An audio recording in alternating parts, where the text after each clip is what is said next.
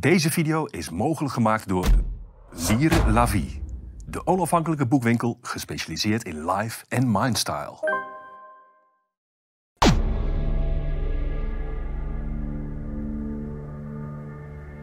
Goedemiddag, avond, ochtend, wanneer u kijkt, lieve kijker. Uh, welkom weer bij een, programma van Café Weltsmerts over boeken. Mijn naam is Peter Tonen en we hebben hier Marloes Vis van Heemst. En we hebben maar liefst uh, twee boeken, uh, twee boekjes kan je bijna zeggen. De boom in met je idealen. En dit boek komt eraan, Idealen in uitvoering. En die twee hebben met elkaar te maken. Uh, mijn voorstel is, we beginnen eerst eens met de boom in met je idealen. Wat, wat is er met je idealen gebeurd?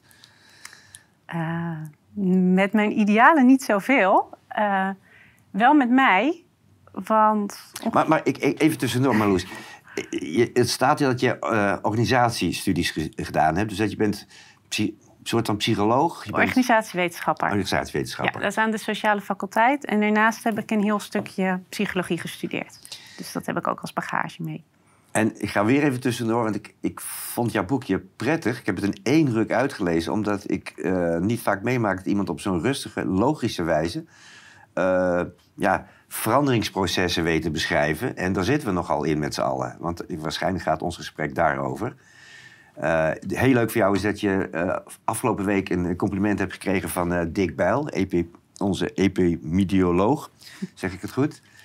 En toen is je boek weer extra gaan verkopen, volgens mij. Ja. Um, maar goed, we gaan het even over de inhoud hebben. Um, van je boek. Ja, ideaal in uitvoering. Welke idealen hebben we het dan over?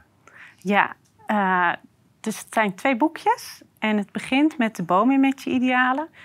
En dat is, ik heb me dat, ik ben op een gegeven moment letterlijk in een boom geklommen. En daar zat ik en toen dacht ik, hier zit ik dan in. Marloes, je kan de boom in met je idealen. Mm. En dat raakte me. Ik dacht, daar moet ik iets mee. En wat betekent dat dan? En dat was ongeveer zo'n anderhalf jaar geleden. En toen zag ik de wereld om me heen. En ik zag daar van alles wat ik niet wilde. Uh, het meeste nog dat het samenleven ons zo moeilijk werd gemaakt. Mm. Veel polarisatie, intolerantie. Mm. Um, ik heb altijd een grondhouding om er samen met mensen uit te willen komen. Ook als het moeilijk wordt, ook als het lastig wordt en als het schuurt. Dan wil ik toch iedere keer met iedereen in gesprek. En ik zag dat in uh, de wereld om mij heen steeds moeilijker en moeilijker worden. En toen heb ik een beetje afstand genomen en gekeken wat gebeurt er nou eigenlijk? Is wat er gebeurt nieuw? Nee, eigenlijk niet. Wat er gebeurt is iets wat ik heel mijn leven al zie en tegenaan loop. Alleen in tijden van de coronacrisis uh, wordt het zo lekker zichtbaar wat eraan schort. Dus in eerste instantie had ik zoiets, er is geen plek voor mijn idealen. Ik neem ze maar mee de boom in. Mm -hmm. uh, toen ben ik gaan kijken, wat is hier dan aan de hand? Toen kwam ik erop uit dat we met z'n allen in een ontwikkelingsproces zitten naar iets beters.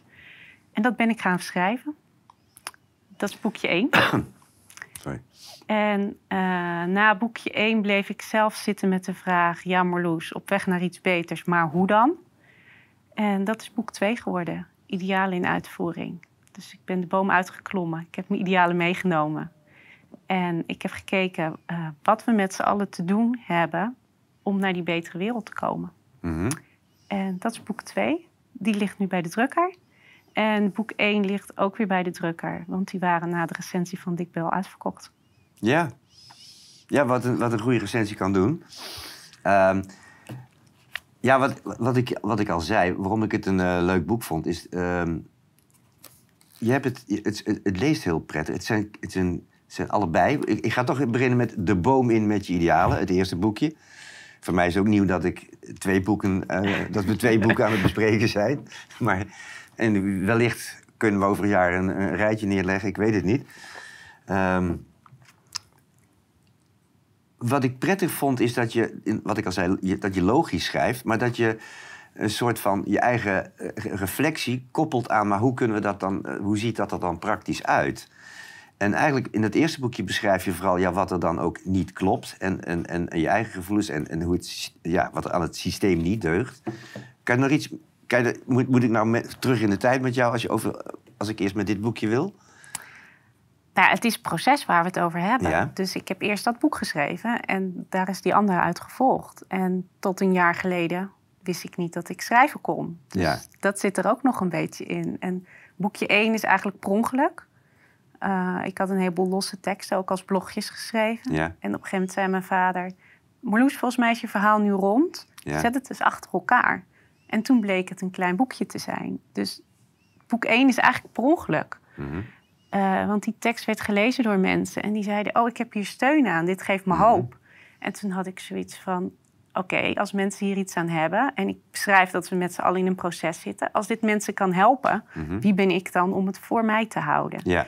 En toen ben ik gaan kijken eh, met Bart van Tongerlo, de uitgever... eh, of we daar een boekje van konden maken. En zo is dat gebeurd. En boek 2 is dan heel anders. Want dat is bewust als een vervolg, als een boek geschreven. Dus dat was Mhm. ook voor mijzelf een heel ander proces. Mhm. Maar ik, toevallig heb ik, niet toevallig... in aanloop naar dit interview heb ik boek 1 zelf herlezen. Ik denk, Mhm. ja, het is wel handig als het Ja. bij mij weer voor in mijn hoofd zit. En voor mij is het nog even actueel. Ja. Maar je had, ik, ik lees hier ook dat je had ook een brandbrief geschreven aan de, aan de GGZ en aan de Nederlandse overheid in feite.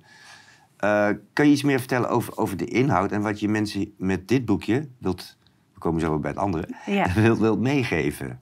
Ehm, Kijk, uiteindelijk, ook een uitgever zal niet voor niks besluiten, besluiten om van, hé, hey, dit is een boekje waard. Wat, wat, wat is het verhaal wat, je, wat de moeite waard is om over te brengen? Ehm, in boekje 1 is het de analyse, het uitzoomen. Het letterlijk Mhm. eh, een hoger perspectief innemen door in die boom te gaan zitten Ja? en te kijken naar wat er gebeurt. Dus, dus ja, mensen zeggen wel eens, Marloes, jij ziet het meer filosofisch. Mhm. Ik zeg, ja, dat is ook nodig. Want Mhm. als ik als mens blijf zitten om wat me boos maakt, frustreerd, verdrietig of misschien wel angstig, kom ik ook niet verder. Mhm. Je kunt een probleem niet oplossen op het niveau waar het zit. Mhm. En als ik uitzoom, iets hoger ga zitten en dan terugkijk, dan zeg ik: Oh, maar dit en dat is er aan de hand. Mhm. En eh, dat geeft rust. Want angst voor iets, angst heeft vaak te maken met onzekerheid, niet weten waar het naartoe gaat. En angst is dus het beste bestrijden met kennis van, snappen Ja, wat er hier aan de hand is. ja. En ik denk dat dat is, ehm, gek om te zeggen over je eigen boekje, maar dat dat de kracht van boekje 1 is. Van rustig maar. Het is wel vervelend wat er allemaal gebeurt en het is heel naar, ja. maar het is ook begrijpelijk. En als je het in een eh, grote tijdframe kunt plaatsen, dus niet alleen de ellende waar we nu op dit moment in zitten, maar kan zien waarom het nodig is om te bewegen naar iets beters, dan geeft dat hoop en ook een beetje rust aan mensen. Wat, wat is die ellende dan waar we in zitten? Die ellende, Ja? ehm, eh, Waardoor je de boom in ging? ja, het gebrek aan ruimte om samen met mensen eruit te komen. Dat er van bovenaf een heleboel verwachtingen op ons gebombardeerd worden. Mhm. En dat iedereen alleen maar bezig lijkt om aan die verwachtingen te voldoen. En eh, een ontzettend systeem van regeltjes en restricties. Mhm. Waarin je eigenlijk bijna geen mens meer kunt zijn. Mhm. Want we mochten niet meer naast elkaar zitten. Anderhalf, nou ja, zo, Mhm. dat was het dan. Mhm. En we werden de mond gesnoerd. We mochten niet zeggen wat we wilden. Ik heb zelf ook mijn portie censuur meegemaakt. En eigenlijk word je door heel die engte, die benauwdheid, die verwachtingen en regels van bovenaf als mens onderdrukt. Je kunt niet meer mens zijn, want je mag geen knuffel meer geven. Je kunt niet praten waar je over wil. En dat noem ik wel ellende waar we in zitten. Maar dat, ja, dat zit dus op meer levels. Het, zit op, het, het speelt zich op persoonlijk niveau af. Tot in kleine groepen, tot en met het grote maatschappelijke, misschien wel zo'n mondiale plaatje. Hè? Het heeft meer Ja. niveaus ook. En dat is wat ik zelf uiteindelijk hoopgevend vind, is dat het lijkt nu wel heel erg. Uh, maar dat voldoen aan, voldoen aan verwachtingen en niet jezelf kunnen zijn, niet, niet zelf voelen wat heb ik nu te doen, Mhm. dat zat er altijd al wel een beetje in. Mhm. En daar kwam ik later ook achter, dat is het laatste hoofdstuk, dat gaat over scholen, wat er op scholen gebeurt. Dat we eigenlijk niet de ruimte krijgen om ons te ontwikkelen en dingen te leren, maar dat er voornamelijk ingeoefend wordt hoe je leert aan verwachtingen te voldoen. Dat was er al. Dat was er voor heel dat coronavirus gebeuren, was dat er ook al. Ja. Alleen nu gebeurt er iets wereldwijd waardoor het zichtbaar wordt. Mhm. En waardoor zelfs Marloes, die altijd zoiets had van die maatschappij, dat sociale systeem, daar pas ik niet zo lekker in. Dat Mhm. snap ik niet helemaal. Mhm. Dat vind ik moeilijk. En ik neem een beetje afstand. Het, zelfs Marloes zei van ja, maar dit is te groot. Dit raakt iedereen. En ik heb hier nu wel iets van te vinden. En ik heb hier wel iets in te doen. En toen ben ik gaan denken en voelen wat ik dan te doen had. En ja, dat bleek voor nu die boekjes schrijven Ja. en hierover praten. Ja, ik, ik denk dat wat ik prettig vind is dat het heel herkenbaar is voor veel mensen. En dat je het dan helder verwoordt. Voor, voor wie, ik ga nog even nog steeds het, het eerste boekje doen, al kunnen we ze niet meer los van elkaar zien. Maar voor wie is dat eerste boekje, denk, denk jij, bedoeld? Ehm, ja, voor iedereen, dat is, dat is wat algemeen. Ik denk voor iedereen die met een gevoel van vertwijfeling naar de wereld om zich heen kijkt. En die ook twijfelt aan wat hij ziet. Mhm. En het is ook ehm, voor mensen die durven te gaan twijfelen aan wat ze zelf denken. Mhm. Dat denk ik, dat Mhm. het daarvoor is. Mensen die denken, oh, hoe nu verder? Of wat gebeurt hier? Mhm. Een beetje, ja, een denkkader, een richting te geven. Ja, nee, want je, wat ik leuk vind is eh, ook, je, eh, je deelt je eigen gevoelens, maar je zoekt ook telkens een wetenschappelijk kader. Je gaat ook op zoek naar literatuur waarin die processen ook allemaal beschreven worden. en eh, wat ik ook prettig vond aan het boek is mijn visie, maar is dat die filosofische benadering die je dan gebruikt. Dus dat, en dat, dat zie ik ook bij het vervolgboekje. Dus dat je filosofie kan gebruiken om die soort van afstand te hebben van wat is hier aan de hand. En waarbij je wel de waarneming, want ehm, ja, dat is mijn verhaal. In wetenschap zie je steeds meer dat er in modellen gedacht wordt en niet meer in, terwijl het, begint bij waarneming. En eh, jij bent vooral een, je waarneming aan het formuleren, zie ik bij deze twee boekjes. En daar zoek je dan wel een kader voor. En dat vind ik heel herkenbaar. Ehm, ja, Ja, mijn pleidooi is eigenlijk, laten we allemaal weer filosoof worden. ja. En vooral samen, samen erover praten. Ja. En filosofie wordt dan, ja, wordt dan een beetje verdaan naar iets voor, voor stoffige mensen en boeken en zo. En dat je zegt, ja, maar daar heeft die filosoof dit over Ja. gezegd en die zei dat. Dat is voor mij geen ware filosofie. Filosofie is voor mij simpelweg, wat is het leven en hoe kunnen we het leven? ja. En dan de vervolgvraag, hoe kunnen we het samenleven? Want Ja. die vraag is wel ontzettend urgent geworden Ja. in onze maatschappij op dit moment. ja. En eh, een van de hoofdstukjes in het tweede boekje heet dan ook Iedereen filosoof. En Ja. Ik zou het geweldig vinden als mensen deze vragen gewoon weer met elkaar durven te stellen. En Ja. proberen te beantwoorden. Want dan kunnen we ook kijken hoe we verder gaan, hoe we ons kunnen ontwikkelen, hoe we ons leven echt gaan leven. Maar dan, dan is het met name het tweede boekje, waarin dan ook gevraagd... dat is idealen in uitvoering, daar gaan we het praktisch maken. Dat doet wel een appel op, op, op ehm, ja, zelfverantwoordelijkheid van mensen. En het, woord, het woord zelfsturing kom ik ook een paar keer... of regelmatig eigenlijk in dit boekje tegen. Ja, en het leuke is dat toen ik één herlas, dat Ja. ik dacht, hé, hey, daar zit die ook al in. Zelfsturing. Maar deze tijd heeft zijn mond vol van vrijheid en autonomie. Ja. Nou ja, dat is, eh, wat zich wappie noemt of, of eh, hè, wat zich Ja. afzet tegen de... Tegen de het, Maar, het- maar wat is autonomie dan als we niet hebben geleerd onszelf sturing te geven? Mhm. Daar begint het wel bij. Ja. Dat we niet meer. En één ding wat ik onder de wappies, ik ben dol op wappies, laten we dat voorop stellen. Ja, dat is een geuze Daar gaan we juist. Maar wat je ook onder die groep mensen ziet, is dat eh, er vaak een soort reactie is op wat we niet willen. Ja. Maar dat, gaat, dat geeft nog geen autonomie of zelfsturing. Nee. Dat is alleen maar dit wil ik niet. Mijn vraag is dan, wat wil je wel? Ja. Pas als je dat weet, dan kun je een andere wereld gaan creëren. Ja. Ik had afgelopen zomer op een gegeven moment een dag dat ik me los voelde staan van de wereld om me heen. Het was de tijd dat er nog mondkapjes gedragen werden en rare dingen in winkels met die pijlen. Mhm. Ja, ik doe het niet expres, maar ik loop altijd de verkeerde kant om. Het werkt gewoon niet voor mij. Ik werk gewoon niet met pijlen. Mhm. En ik voelde me heel afstandelijk, alsof het mijn wereld niet was. Niet Mhm. alleen omdat ik dat niet wilde, als reactie tegen, maar het voelde werkelijk niet zo. En toen bedacht ik op een gegeven moment, nou Marloes, als dat je wereld niet is, wat is jouw wereld dan wel? Mhm. En stap daarin en ga die Mhm. iedere keer opnieuw leven. Maar dan moet ik mezelf wel de vraag stellen, is wat wil ik doen en wat heb ik te doen? Mhm. En ik moet mezelf sturing gaan geven. Want ik wil voorbij dat reageren op wat ik niet wil, Ja. naar de creatie van wat ik wel wil. Ja. En ik heb gemerkt dat eigenlijk iedere situatie om te buigen is. Je kunt reageren tegen iemand als je een conflict hebt van Mhm. dit wil ik niet. Als Mhm. iemand met heel veel adrenaline Mhm. tegen je in staat, is het heel makkelijk om er met net zoveel Ja. adrenaline tegenin te knallen.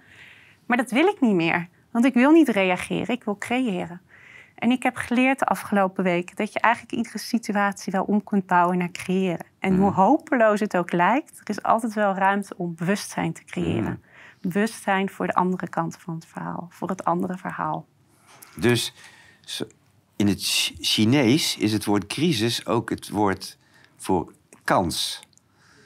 Dus, dus, dus ehm, dat is een associatie die je nu hebt van dus de, de corona, coronacrisis waar we in terechtgekomen zijn, is- zie jij dus ook nu. Je ziet deze tijd dus ook een, als een tijd van kansen. Ja, nadrukkelijk wel. Ja. En dat is in boek 1 ook terug te lezen in het hoofdstuk over eh Dabrowski. Ja, Die zegt positieve desintegratie. Dus, dus complete chaos en het instorten van je je- je- wereldbeeld je geeft een- ruimte om iets nieuws op te je bouwen. citeert, citeert een boek van eh, eh, Dabrowski eh, over positieve desintegratie. Dat is een theorie uit 67 alweer.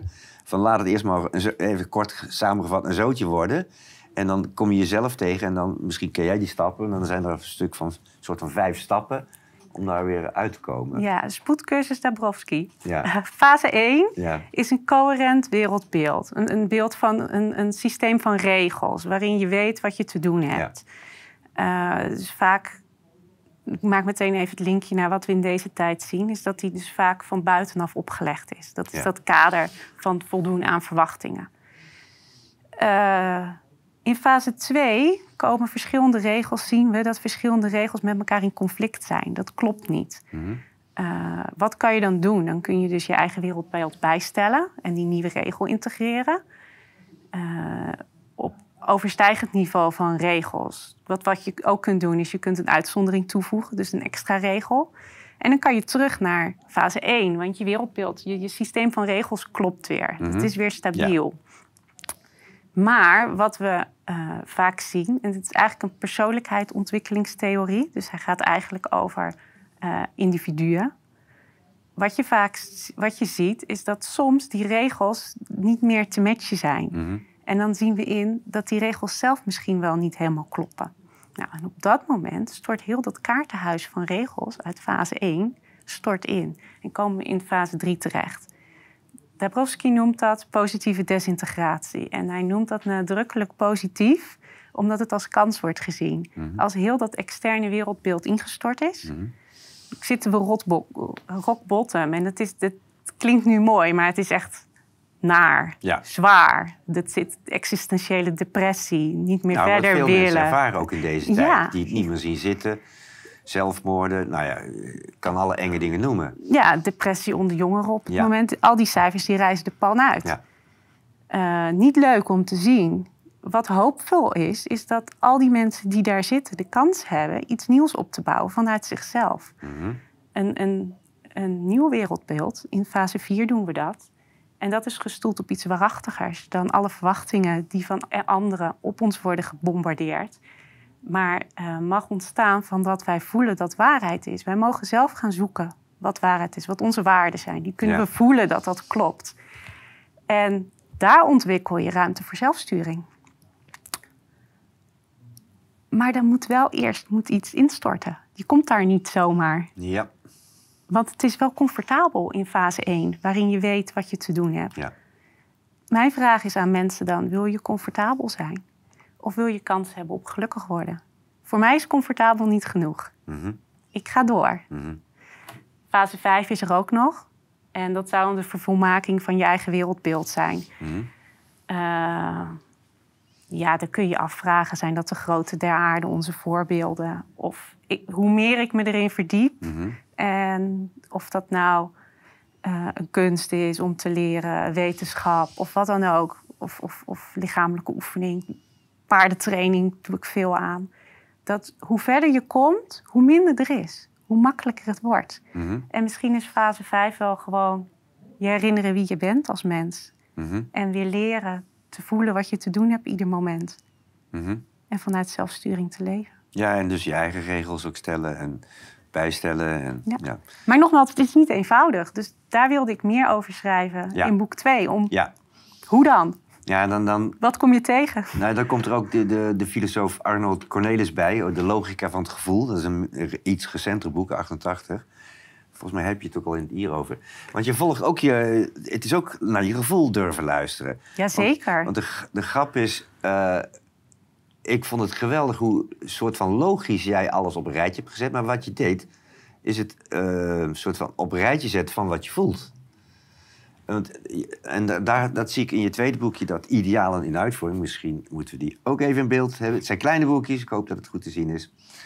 Eh, eh, ja, je gevoel is ook, ook, ook een- het is allemaal niet zo logisch en volgens de regels. Het is ook naar je gevoel luisteren. Ja, ik vind het heel fijn dat je dat zegt. Ja. Want eh, die boeken schrijven, dat, mijn hoofd doet daar veel aan. Ja, Maar mijn hart is net zoveel. ja, En meestal voel ik iets en dan ga ik daarna bedenken hoe dat dan zit. En dan schrijf ik het op. ja. En als het dan klopt, dan vertelt mijn hart weer: het is in orde, het klopt Ja. zo. Dus dat, is, dat werkt samen. Ja. Het een kan niet zonder het ander. Want ik heb mijn hoofd nodig om woorden te geven aan wat ik voel, zodat ik het over kan brengen op andere mensen. En ik heb mijn hart nodig om te weten dat het klopt. En ehm, dat is wel leuk om tussendoor te vertellen. Ik schrijf aan een derde boek over onderwijs, samen Mhm. met, met iemand anders. En op een gegeven moment erg de neiging om eh, dingen die we stellen te verantwoorden met andere schrijvers. Mhm, En toen zei ik, laten we daarmee stoppen. Want als wij voelen dat het klopt, mhm, dan klopt het. mhm, En dat is belangrijker dan dat we het kunnen verantwoorden met een andere auteur. mhm. Sterker nog, als je die verantwoording nodig hebt, klopt het dan wel helemaal wat je zegt. Ja, ik snap, je, ik snap wat je bedoelt, ja. Dus, dus het is die samenwerking tussen hoofd en hart die zorgt dat je iets schrijft wat in ieder geval eh, mijn waarheid is en mijn verhaal is. Ja, en, dat, is- dat is wat mij vanaf, vanaf het eerste boekje in jou aansprak. Zo van die, nog, af en toe is de worsteling dan een spel tussen, tussen eh, ratio en gevoel. Bij- eh, snap je? Van, je hebt ze beide nodig. Net En- het echte leven. Ja, maar jij, jij en ik weten ook dat als we het dan over onderwijs hebben, ja, dan wordt vooral die cognitieve kant aangesproken. En, en hoe je je voelt bij dingen. eh, ja, dat, eh, even uithuilen of even lachen. En eh er, moet, er moet cognitieve kennis in. En dit is dus ook een pleidooi om, om meer naar je gevoel te, te durven luisteren. En, Ja, nadrukkelijk. Ja. Ja. en dat te laten zien en dat het te laten zijn. En mens te worden. Want als mens hebben we gevoel. En dat kunnen we niet onderdrukken. Dat Nee. proberen we wel. Nee. Het lukt ook niet, want af en toe knalt het er in woede uit. En misschien is dat ook wel de woede die we in de samenleving zien. Dat Ja, altijd de- maar wegdrukken van dat het menselijke bij een gevoel. gevoel, hè, denk ik. Dat, dat is dat, die kreet van het klopt niet. Ja. Ja, wat er dan niet klopt, weet je op dat moment nog niet. Maar je gevoel zegt, het klopt niet. En dan ga je onderzoek doen. En dan mag je inderdaad je verstand wel gebruiken. Anders als je alleen niet... Want er, er was nog een, eh, een, een auteur die jij hier aanhaalt. Het is eh Viktor Frankl. Eh, The Will to Meaning. Daar heb je het woordje zinvinding. Volgens mij ga je ook zo meteen er iets meer over vertellen. Dat is een heel leuk woord. Het is een boek uit 2014. Maar dat, heet- dat, zinvinding, is dat jouw vertaling van... ja, wat is het dan? The will, the will to meaning. De, de gebruikelijke term is zingeving. ja, En dat gaat over dat je je leven zin moet geven. Dat Ja. je iets moet doen om je leven waardevol te maken of Ja. zo. En wat eh Viktor Frankl doet in een van zijn boeken, is hij zegt... het gaat misschien niet zozeer om zingeving, maar om zinvinding. ja. En Meaning dat finding. finding Ja, meaning Ja, in plaats van giving meaning. ja. En ik vond dat enorm bevrijdend. Ten eerste omdat het ook weer over proces gaat. Het geeft ruimte, maar het geeft ook ruimte om het even niet te weten en te twijfelen. En als we het zeggen, je moet zin aan je leven geven, dan is dat nogal een opdracht. Ga jij als mens maar eens Ja, bedenken daar kan je wel of niet aan voldoen. wat, wat je Ja. leven zin geeft. Ja. En daar kun je dus ook in falen. Ja. Terwijl als je op zoek mag naar de zin van jouw leven, van wat je te doen hebt, dan is het ook oké om het even niet te weten. En dan hoor ik ook weer dat je dus, dat is procesmatig werken. Dan ben je dus niet, eh, de uitkomst komt voort uit het proces en je, moet, je hoeft niet per se een bepaalde uitkomst te hebben. Als je aan het vinden bent, dan ben je aan het zoeken en aan het bewegen. Als je iets wilt geven, dan moet je ook dat cadeautje hebben. Of wat het wordt, dat product. Ja, dat gaat, dat gaat uit van als ik nu dat maar bereik in mijn leven, Ja, dan ben ik succesvol en dan Ja. heb ik het goed gedaan. Terwijl als we zeggen je mag de zin vinden, ja. dan, dan, dan is dat procesmatig. Dan mag je eh, spelen, uitproberen, Dus- fouten maken, bijsturen. Dus dat geeft veel dat- meer ruimte. Dat zin, precies. Dat, nou ja, goed. Is, je beantwoordt de vraag al die ik wilde stellen. Dus voor jou zinvinding eh, waardevoller en, en, en iets wat je... Ja, dat heeft jou, eh, hoe zeg je dat, eh, geholpen in je... In je Ja, dat geeft mij steun. Ja. Steun om te zijn wie ik ben. En het geeft me ook de ruimte om iedere dag opnieuw mezelf af te vragen: wat heb ik nu te doen? ja, En dat werkt niet zozeer met mijn hoofd als wel met mijn hart. Dat ik voel, Ja. wat heb ik nu vandaag te doen? ja, En het haalt me ook weg van het forceren. ja. Van, van het willen knokken om op een uitkomst te komen. Ja, als ik heel erg moet forceren, dan is dat misschien toch niet het goede pad. En dan ga ik opnieuw proberen te vinden, Ja. wat dan wel. En nu, nu heb je het over jezelf. Eh, waar alles mee begint uiteraard. Maar eh, het is ook een meta... Het is, het is, het is micro-macro verhaal, hè? Ja. Ehm, en misschien, want je had aangeboden, of je wou graag ook daar een tekening van maken. Dat zullen we zo even doen. Want eh, dit gaat over hoe kan je tot verandering komen. Dan, maar dat, dat gaat over je persoonlijk leven. Maar we zitten ook als samenleving zitten we in een, ja, in een rommeltje. Dus in, in, die, in die desintegratie eigenlijk. Ja. Er zijn politici die ook eh, van, van de rechterzijde die ook zeggen van nou ja, het hele politieke systeem is, is aan het desintegreren. Er zijn ook mensen die dat zelfs aanjuichen van nou het moet instorten, want dat was al een zootje. En het komt nu aan het licht dat het. Dus ehm, maar desintegratie werkt ook beangstigend voor mensen. Dat is dan, snap je, veel mensen die, hè, die willen dan gaan juist meer vastklampen aan de regels. Die blijven dan toch liever comfortabel. Ja. ja, maar die keus blijven mensen hebben. Hè? Ja, Ik bedoel, ehm, want ik denk dat jij meer appelleert aan de mensen die het anders willen, maar niet weten hoe. En dan ben jij, dan ben jij iemand die gewoon een medezoeker is daarin, een medevinder daarin is.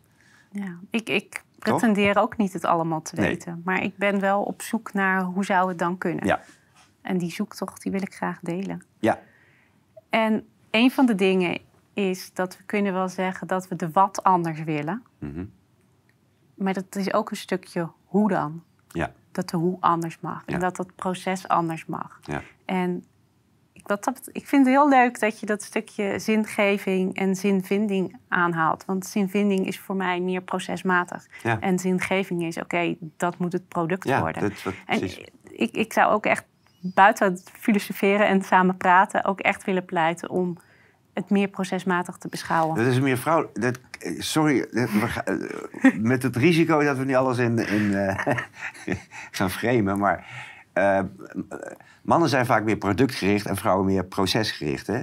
En ik, maar ik, het ontbreekt ook wel. We zitten ook, dat is een ander verhaal, in een soort mannelijke samenleving waarin alles.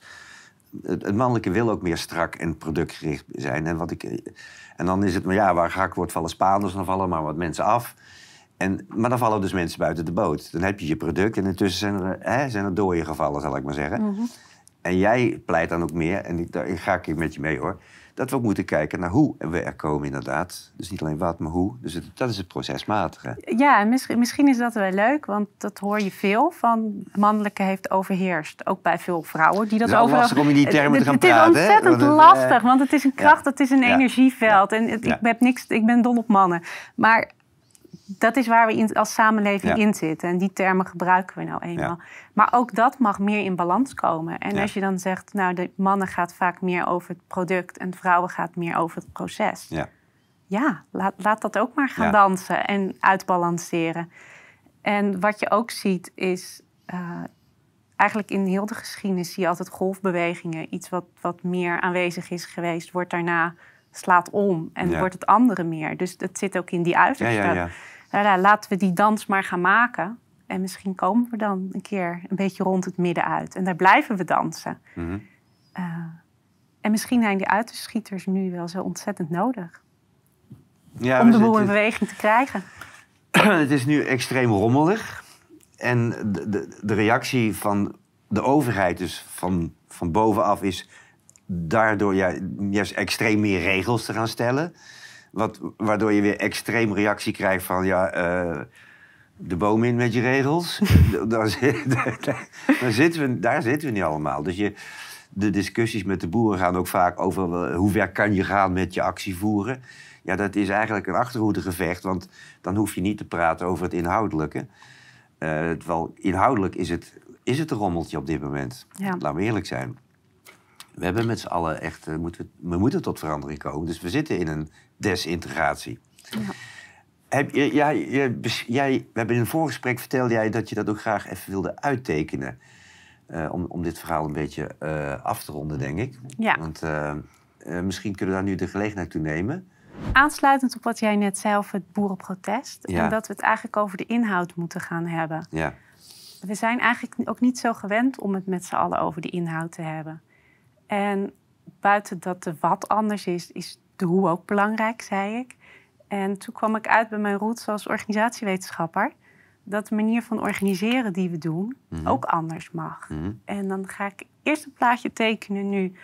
Dat noem ik oude wereld organiseren. En dat is hiërarchisch. Dat komt van boven naar beneden.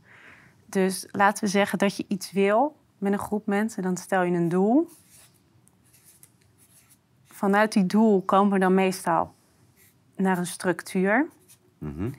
Daar voel je al een beetje eh, het systeem van regeltjes en verwachtingen in. Ja. Dus dat wordt verder uitgewerkt in, eh, nou ja, hoe noemen we dat in organisatietermen? Rollen, acties. ja. Wie gaat wat doen? Ja, want dan gaan we ergens naartoe, hè? ja, naar, het- naar de uitkomst die we We willen. een actie en jij gaat dat doen en jij gaat dat doen. En daar ja. komen dan de mensen nog eens een keertje. Die moeten daarin passen. Ja. Ja. Maar dat is oude wereld. Ja. En we willen juist weer als mens Dit is Mens oude wereld, zijn. omdat hier mensen... Oude wereld, ja, hiërarchisch. Dit is heel duidelijk top-down Ja. georiënteerd. En de mens wordt er eigenlijk een beetje weggedrukt. ja, want die heeft, ondergeschikt aan wat er van boven komt. ja, die je zit moet zich- structuren, regels. En de, aan die moet schikken verwachtingen in een rol. probeert hij te Ja. doen. En op een gegeven moment ging ik met mensen samenwerken. Eh, en die vroegen dus van mij... ja, eigenlijk wat verwacht je dat ik doe? Mhm. Ik zeg, dat wil ik helemaal niet. Ik Mhm. wil dat jij aanhoort wat mijn ideeën zijn, waar wij mee bezig zijn. Dus je zegt... Dus mensen zijn ook gewend geraakt aan van... Ik hoor, eh, eh, vertel mij maar wat ik moet doen. Dus Ja, dat precies. ja. precies. En dan wil je dus Nieuwe Wereld iets opzetten. Dit was een project dat ging over dromen delen en weer durven dromen, samen met Michaela Schippers. Mhm. En die mensen, eh, ja, Marloes, wat verwacht je dan nu van me? Ik zeg, nou, ik wil niet dat jij de vraag Mhm. stelt, wat verwacht je van me? Ik zeg, ik wil dat jij hoort wat wij hier doen, eh, naar mij luistert, voelt met welke energie we bezig zijn. Mhm. En dan bij jezelf gaat, de vraag gaat stellen: wat heb ik hierin te doen? Mhm. Dan kom je bij mij terug en dan maken we een plekje voor jou. Dan gaan we samen kijken waar dat plekje dan zit. Ja. Nou, en die manier van organiseren heb ik ondertussen ook getekend. Mhm. Dat ga ik ook even laten zien. Even mijn papiertje weer goed leggen. Dus dat wordt dan nieuwe wereld organiseren. En eh, oude en nieuwe wereld gebruik ik alleen maar om in tijd aan te geven dat we Mhm. in ontwikkeling zijn naar iets anders. Mhm. En misschien dat het er uiteindelijk heel anders uit gaat zien. En Je, je wilt het ook niet als waardeoordeel zien, maar als een, als een, als een verschijnsel zo van... Het verleden is dit en we kunnen naar dat. Het, gaat, Ja, de oude wereld is wat we gewend zijn. Ja. Als we het anders willen doen, dan zullen we het ook anders moeten gaan doen. Mhm. En zo zou het kunnen. Ja. Dus in de nieuwe wereld, wat ik probeer te doen, is... Ja, ik kan niet tekenen, dus dit zijn even mensen. Het zijn die kruisjes. Ja. Ik begin bij de mensen. En ik laat die mensen praten. Ja. Zeg maar een filosofisch gesprek over wat zij belangrijk vinden. Mhm. Dus kijk, Dat gaat van die mensen naar binnen toe. Daar wordt een soort gedeeld energieveld opgebouwd van wat we echt belangrijk vinden. Noem het kernwaarden.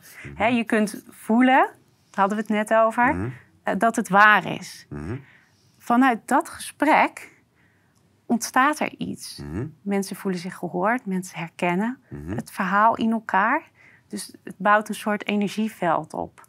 Met eh, gedeelde waarden, gedeeld gevoel. En daar vandaan kunnen we gaan dromen over wat we wel willen. Er ontstaat hoop. Want we zijn niet meer alleen met onze wensen, verlangens. Mensen gaan aan. Kijk, en hier komt mijn kriebeltje.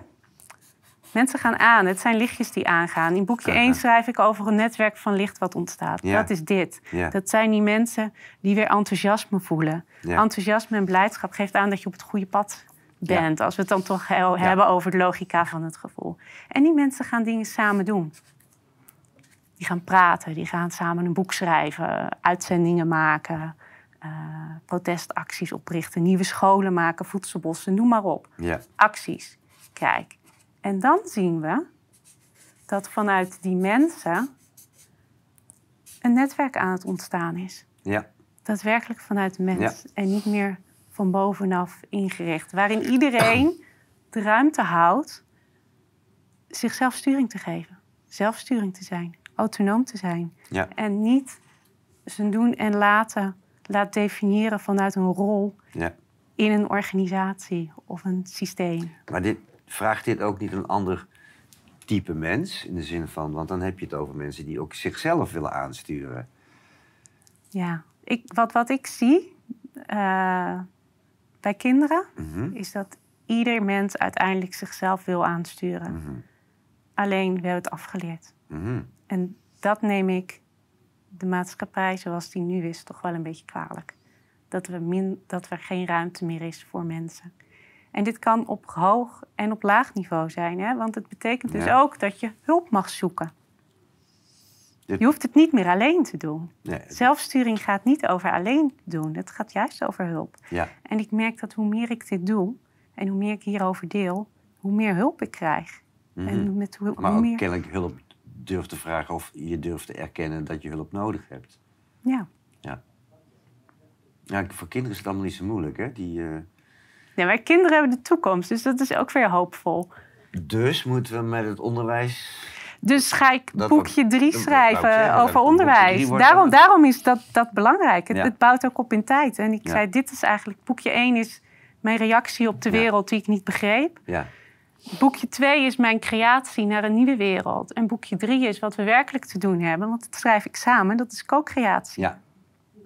Ja, zo gaat het dan ook weer. Dus Oké, ik, ik denk dat we, dat we het, het gesprek kunnen afronden. Ik vind het heel fijn dat je deze tekening erbij gemaakt hebt. Dat maakt het heel inzichtelijk. En het is een volslagen, dit is een volslagen niet-hierarchisch verhaal. Dit, dit, dit is, het is ook, eh, als je het in, eh, grafisch bekijkt... het vorige was meer rechte lijnen... en dit, dit zijn meer circulaire bewegingen. ja, Het is ook wat ronder. Die zijn ook weer... eh, het is ook moeilijk. Daarom wilde ik hem heel graag tekenen. Ja. Omdat die dan te volgen is. ja. Want die oude tekening... Kan Ja. heel, kijk, dit snapt iedereen. Dit zijn we gewend. Dit is hiërarchisch, dit is lineair. Zo zijn we gewend te denken. En dit is nieuw. Toch wel. En dit is ook een... een En er zit beweging in. Van Juist, buiten naar binnen. beweging. En weer terug naar de mens. En die blijft. Ja. En ehm, Nou, dit is een, een creatieproces. Eh, wat inderdaad van meer van onderuit en van binnenuit komt. en het En- is een creatief proces. Ja. Ik ben benieuwd. Want we kunnen, ik denk dat we dit eh, goed kunnen gebruiken. Want ik denk dat. Want we hebben een soort voorgesprek gehad. En dan zei je ook. Want je hebt ook binnen de, de actiewereld. Dus ook binnen de. Of nou de boeren zijn of de wappies. Die, die kunnen ook nog vaak denken in de oude structuren. En dan willen ze wel geen autoriteit van boven. Maar dan gaan ze het alsnog weer autoritair structureren. Ja. En Eh, zo, zolang we daar geen ja. Ontwikkelingen hebben gemaakt, zolang we dat niet anders hebben gedaan, kunnen we roepen wat we willen, maar blijft het bij rea- reageren en komen Juist. we niet op het Ja, we creëren. moeten van, precies moeten van reageren naar weer ja, proacteren. Dus proactief gaan worden. En dan, het is ook weer een modelletje, dus het is nooit de werkelijkheid. Maar het spreekt me wel aan, omdat het een, een Er zit veel meer de, de, de, de, de mens zelf in. En het is in beweging. Het is, eh, Ja, een model mag ook nooit te belangrijk worden. Maar dat kan ons wel helpen om over de werkelijkheid na te denken. Exact. Model is nooit werkelijkheid. Het is altijd een benadering van. Het is een taal die je even samen vindt om. En, en als wij modellen en, en, en te belangrijk gaan maken... en mensen proberen in onze modellen te proppen, gaan dan gaan we mank. Dan kom, dan komen, dan, om filosofisch te worden, dan kom je terecht bij wat het manco van de wetenschap nu is: dat ze niet meer in waarneming doen, maar aan, met modellen werken. Het is bijna zo, eigenlijk sinds de computer er gekomen is, geilen al die wetenschappers op al die modellen die allemaal kunnen. En ze gaan helemaal aan de, aan de werkelijkheid. Nou, modellen zijn echt heel nuttig om over de werkelijkheid Ja, na te ja. denken. Alleen, je, het mag nooit de werkelijkheid vervangen. En daar gaat het wel Nee, dat klopt. klopt. Marloes, ik, ik denk dat we het eh, gaan afronden. Waar, waar kunnen mensen informatie van jou vinden? Marloesvisvanheems.nl Oké, en anders zal het onderaan eh, de film eh, die je al dan niet bij YouTube of op een ander kanaal kan lezen, kun je het waarschijnlijk opzoeken. Uh, Marloes, dankjewel voor dit eh, mooie gesprek. Ehm, Jij wij- ontzettend bedankt voor de ruimte voor dit mooie gesprek. Nou ja, eh, het, het sprak mij aan. Laten we het toch zo terugkoppelen. Eh, ik ben blij dat iemand ook nadenkt over... ja, we willen veranderen, maar hoe gaan we dat dan doen? En, en, en nou, dat heb je heel helder in... Joh, kijk, zo'n boekje heeft iedereen zo ook snel gelezen. Dus het is... eh, ehm, ik, ja, ik vind aanraders. Ik, maar ik, maak, eh, ik, kan het echt aanbevelen om... eh, als je aanspreekt wat je zojuist gehoord hebt, schaf deze leuke boekjes aan. En ga ermee aan de slag ook vooral. Lieve mensen, dank wel. Jij bedankt dus voor je verhaal. En lieve mensen, bedankt voor het kijken. En graag tot de volgende keer.